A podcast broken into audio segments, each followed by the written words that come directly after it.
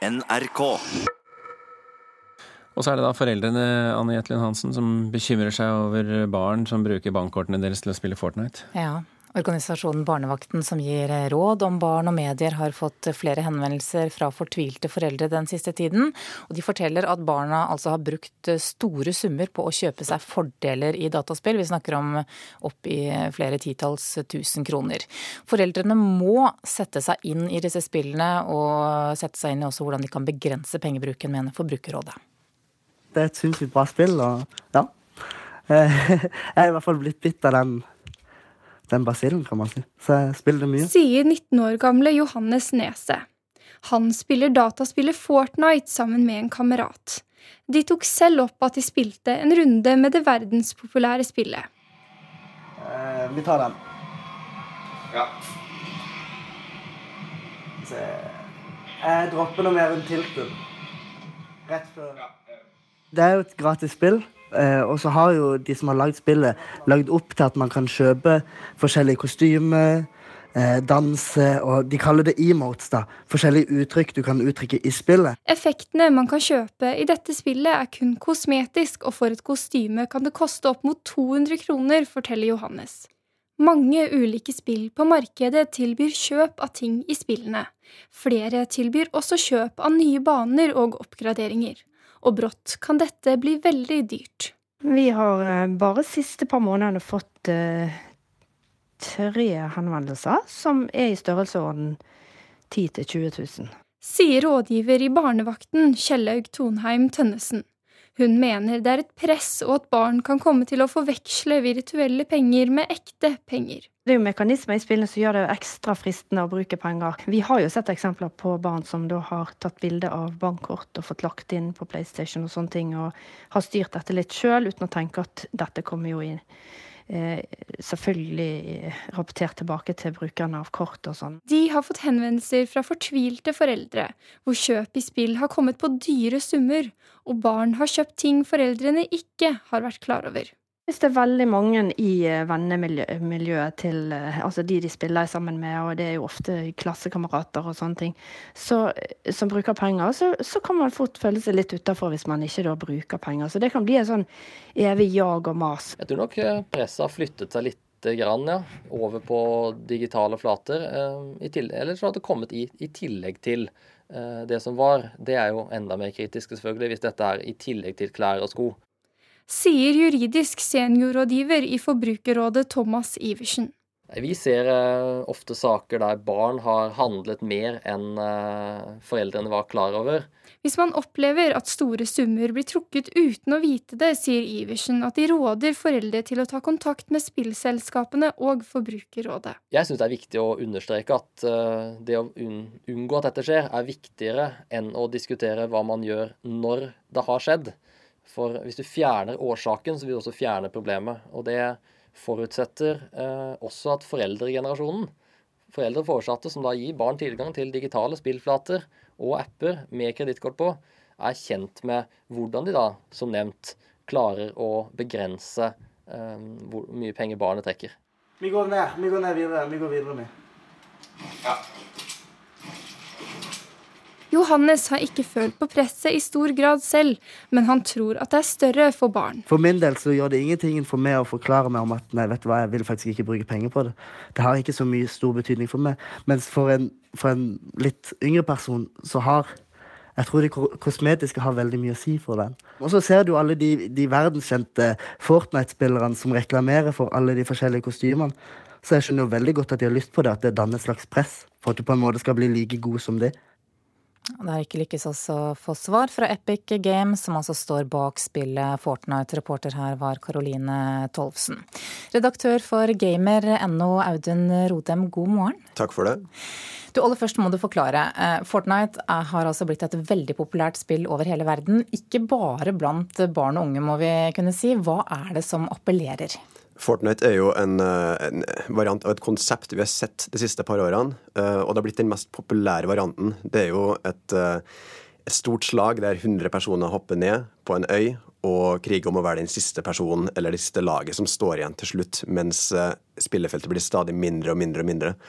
Og det skaper en veldig engasjerende opplevelse.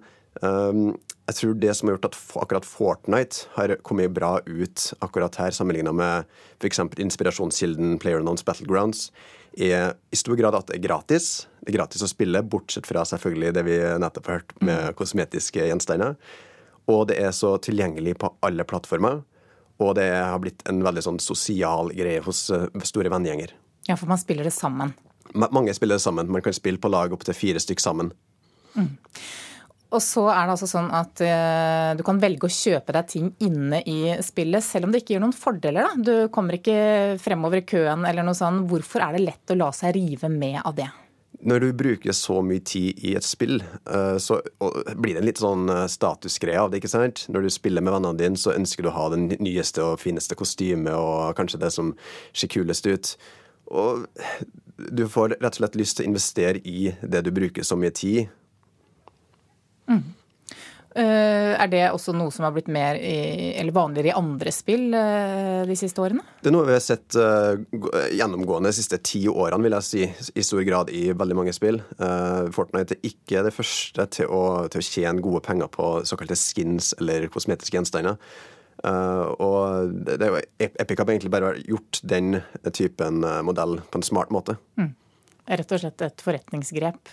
Ja, et ja. veldig smart forretningsgrep. Mm. Så er det tolvårsgrense. Eh, mange av dem som spiller er mye yngre enn det. Er det tydelig nok da om du bruker virtuelle penger eller ordentlige penger inne i spillet? Det er et eh, veldig godt spørsmål. Ja, du, du, må jo kjøpe virtuelle penger, så du må på et eller annet tidspunkt ut med betalingsinformasjon for å få de virtuelle pengene. Nå er det sagt at du kan også tjene deg opp noen virtuelle penger så en litt sånn flytende overgang i det. Men det er, hvis du faktisk skal bruke penger, så må du faktisk uh, kjøpe uh, med, med, faktiske penger. Mm. Men Hvordan er mulighetene da uh, for at jeg som forelder da kan legge inn en sperre? Det varierer litt på hvor hen du spiller. Fortnite finnes jo på PlayStation 4, Xbox One, PC og iPhone og iPad. Og litt avhengig av hvilken plattform du er på, så det er forskjellige måter jeg vil si at PlayStation 4 har den mest eh, ja, fleksible varianten, der du kan ha et, en, en, familiekonto, og så kan du ha en, en, barnekonto under der, der du kan sette en beløpsgrense for hvor mye barnet kan spille. Og det kan være nei, uh, bruk, mener jeg. Og det kan være alt fra null til ja, 50 kroner eller 50 dollar i, i, i uka av måneden. Uh, mens Xbox One og iOS har en litt annet system, der du kan gå inn og sette en PIN-kode ved kjøp. Sånn at hvis du kommer i en situasjon der du uh, får muligheten til å kjøpe ting, så må du taste inn en PIN-kode. Og hvis du da som forelder har satt en kode barn ikke vet, så stopper det der. Uh, på iOS er det litt det samme greia. Men PC, på PC er det litt verre. Uh, der må du inn i Epic-kontoen, altså kontoen som er tilknytta spillet fra utgiveren i seg sjøl og fjerne kredittkortet. Det er den eneste måten jeg har greid å funnet på. i hvert fall. Mm. Men er det sånn da at uh, foreldre ikke vet nok, rett og slett? Det er jo litt det, men det er jo vanskelig å sette seg inn i òg. Det er jo ganske komplekst. Men hvis man går litt inn i det på forhånd, så vil man finne muligheter for å sette en stopper for pengebruken. Helt klart.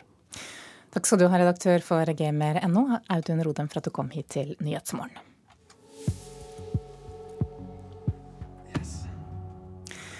Skal vi til Lillehammer, der litteraturfestivalen åpner i dag. Festivalen går over seks dager. Det kommer 26 000 besøkende, 400 forfattere og artister fra hele verden. Og leder for festivalen, Marit Borkenhagen, god morgen. God morgen. Hva gleder du deg mest til? Jeg gleder meg til eh, at vi nå går ut av kontoret og eh, starter festivalen. Tar imot eh, forfattere og publikum som, som er på vei til Lillehammer. Dette er kanskje en vanlig tirsdag for veldig mange, men for oss så er det en stor fest. Mm. Så vi snakker litt om programmet. Historiefortelling er sentralt hos dere i år. På hvilken måte? All litteratur er jo historiefortelling. Eh, I år så har vi laget en eh, rød tråd gjennom festivalen. Vi har mange japanske forfattere, vi har tyske forfattere, vi har et stort nordisk og norsk program. Og vi har prøvd å eh, vinkle veldig mange av arrangementene rundt dette. Hvordan forteller vi vår historie, og hvordan er også forfatternes historie med på å forme oss som enkeltindivider, som en større gruppe, som en nasjon. Eh, hvordan er det med på å prege vårt syn på det livet vi lever, eh, den framtida vi er på vei inn i? Mm. Så er det altså skandinavisk sakprosa og japansk og tysk litteratur som er eh, sentralt under festivalen i år. Hvorfor har dere valgt akkurat det? Vi er opptatt av at festivalen skal være en god blanding av en mulighet til å bli introdusert for nye navn. Eh, de japanske forfatterne vil være nye bekjentskaper for, for mange. Man har kanskje lest noen av bøkene, men det er iallfall første mulighet til å møte disse forfatterne på en norsk scene og i samtale, da gjerne med, med noen norske forfattere. F.eks. så kan man møte Hirome Kawakami i samtale med Rune Kristiansen, som jeg tror en, blir en veldig, veldig fin kombinasjon. Um, og så har vi uh, et ønske om at man jo alltid skal uh, kunne møte forfattere man kjenner fra før, forfattere man har lest og likt. Og, der kommer jo særlig det norske og det nordiske inn. Så blandingen av at vi vil gi folk ny mulighet til å oppleve ny litteratur, og å få oppleve sine favoritter på scenen. Den skandinaviske sakprosaen har eh, vært i sterk vekst og utvikling de siste ti årene. Og vi har eh, hatt lyst til å dykke litt inn i det, og, og, har nå en stor kåring på gang hvor vi har hatt en eh, norsk, en dansk og en svensk jury i arbeid. Det foreligger nå en langliste med de 30 beste utgivelsene etter år 2000 og fram til i dag. Og på fredagen så får vi vite hva som er ti på topp beste i Skandinavia. Hvis vi ser litt på, på bransjen. altså Det har blusset opp en, opp en, debatt om ytringsfrihet og kulturkamp etter at bokmessene i Frankfurt og, og, Leipzig tillot forlag med ideologisk forankring ytterst til høyre å delta. Hvor åpen eller streng skal en litteraturfestival som du styrer være? I en litteraturfestival så skal man jo kunne diskutere f.eks. sånne spørsmål som, eh, som, du reiser der. Eh, ytringsfrihet er ofte et eh, viktig tema i litteraturfestivalen. Ikke så mye på, i programmet i år, men vi har bl.a. så har vi et stort seminar for fribyforfattere i, i Norge. Lillehammer er en friby for forfulgte forfattere, så det er klart at vi har mange forfattere på scenen som har virkelig følt på kroppen hva det vil si å ha begrensning på sin ytringsfrihet. Men på eh, festivalen på Lillehammer så er det høyt under taket og åpent. Takk for at du var med i Nyhetsmorgen, festivalleder for litteraturfestivalen, Marit eh, Borkenhagen. Skal det handle om eh, teater? Duoen Vegard Winge og Ida Müller er kjent for å provosere med sterke virkemidler på scenen. Samtidig så blir det sagt at de fornyer teatret. Winge og Müller hadde premiere på teaterinstallasjonen Panini Boys Room under Festspillene i Bergen i helgen. Et stykke som denne gangen bare varte i seks timer. Og teaterkritiker Karen Frøsland Nystøl, du var i Sentralbadet i Bergen under premieren. Hvordan vil du beskrive denne forestillingen?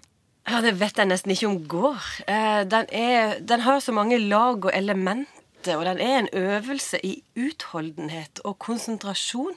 Eh, det er så mye som flyter inn i hverandre, og jeg merker at jeg, jeg husker ting annerledes enn mine kritikerkolleger har gjort, når jeg nå i ettertid har lest eh, en del av deres anmeldelser. Men det jeg kan si, da, det er at det, er, det, handler om Per Gynt på ene eller andre måten. Og det konsentrerer seg rundt gutter rommet, altså det, det ensomme og, den ensomme og lukka, lukka settingen som, er, så mange unge menn er innom i løpet av, av oppveksten. Og så handler det jo om foreldre som ikke gjør barna sine godt, eh, og følgene av det, blant annet. Mm.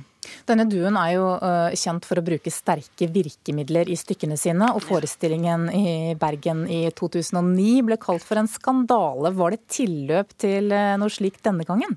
Nei, ikke på den måten. I 2009 så spilte de Villand, og som du sa, etter ni timer så var de fortsatt i første akt. Men dette med skandale syns jeg egentlig ikke er så interessant. Um, det var mange referanser til forrige gang de spilte ved Festspillene uh, i helga, da jeg så teaterstykket. Altså mange stikk til Festspillledelsen og hint om at vi må være ferdig innen da og da, og, og sånn. Um, men hvis du med skandale tenker på urinering og ekskrement eksperimentet og vold og blod og sånn, så ja, det fantes i forestillinga, og noe av det var direkte kvalmende. Men det er veldig viktig for meg å si at Panini Boys Room er ikke dette, og i hvert fall ikke bare dette. Det er veldig lett å henge seg opp i disse virkemidlene, men eh, jeg syns egentlig at det er en ganske liten del av det kunstneriske prosjektet når jeg ser helheten i det de gjør. Eh, jeg tenker mer på hvor destruktiv mor Åse-figuren er her, f.eks. Hvor vondt og godt det der gutterommet er på samme tid. Og så handler det jo faktisk veldig mye om fotball. På hvilken måte da? det heter jo Panini Boys Room, og Panini er jo sånne fotballklistremerker eller kort som man kan samle på når det er store fotballmesterskap og sånn. Og hele scenografien, eh, det er jo en egen utstilling, det. det den har blant annet en katedral som er på en måte bygd opp av sånne paninier i A4-størrelse, tegna og malt av eh, eh, scenograf Ida Müller. Det er faktisk et ganske utrolig prosjekt å gå inn i og se. Og dette kan man besøke når det ikke er teaterforestillinger. Så dette kan man gå inn i og se. Og, og fotball er jo noe veldig mange har referanse til. Eh, og inni forestillinga der så kommer plutselig en Dag Solstad-aktig figur og, og, eh, og snakker om boka han skrev om fotball-VM i 1982. Så det er mange ting man kan kjenne igjen der, på et vis. Mm. Det nærmer seg Dagsnytt 8.30. Karen, eh, vil du oppsummere? To setninger til slutt.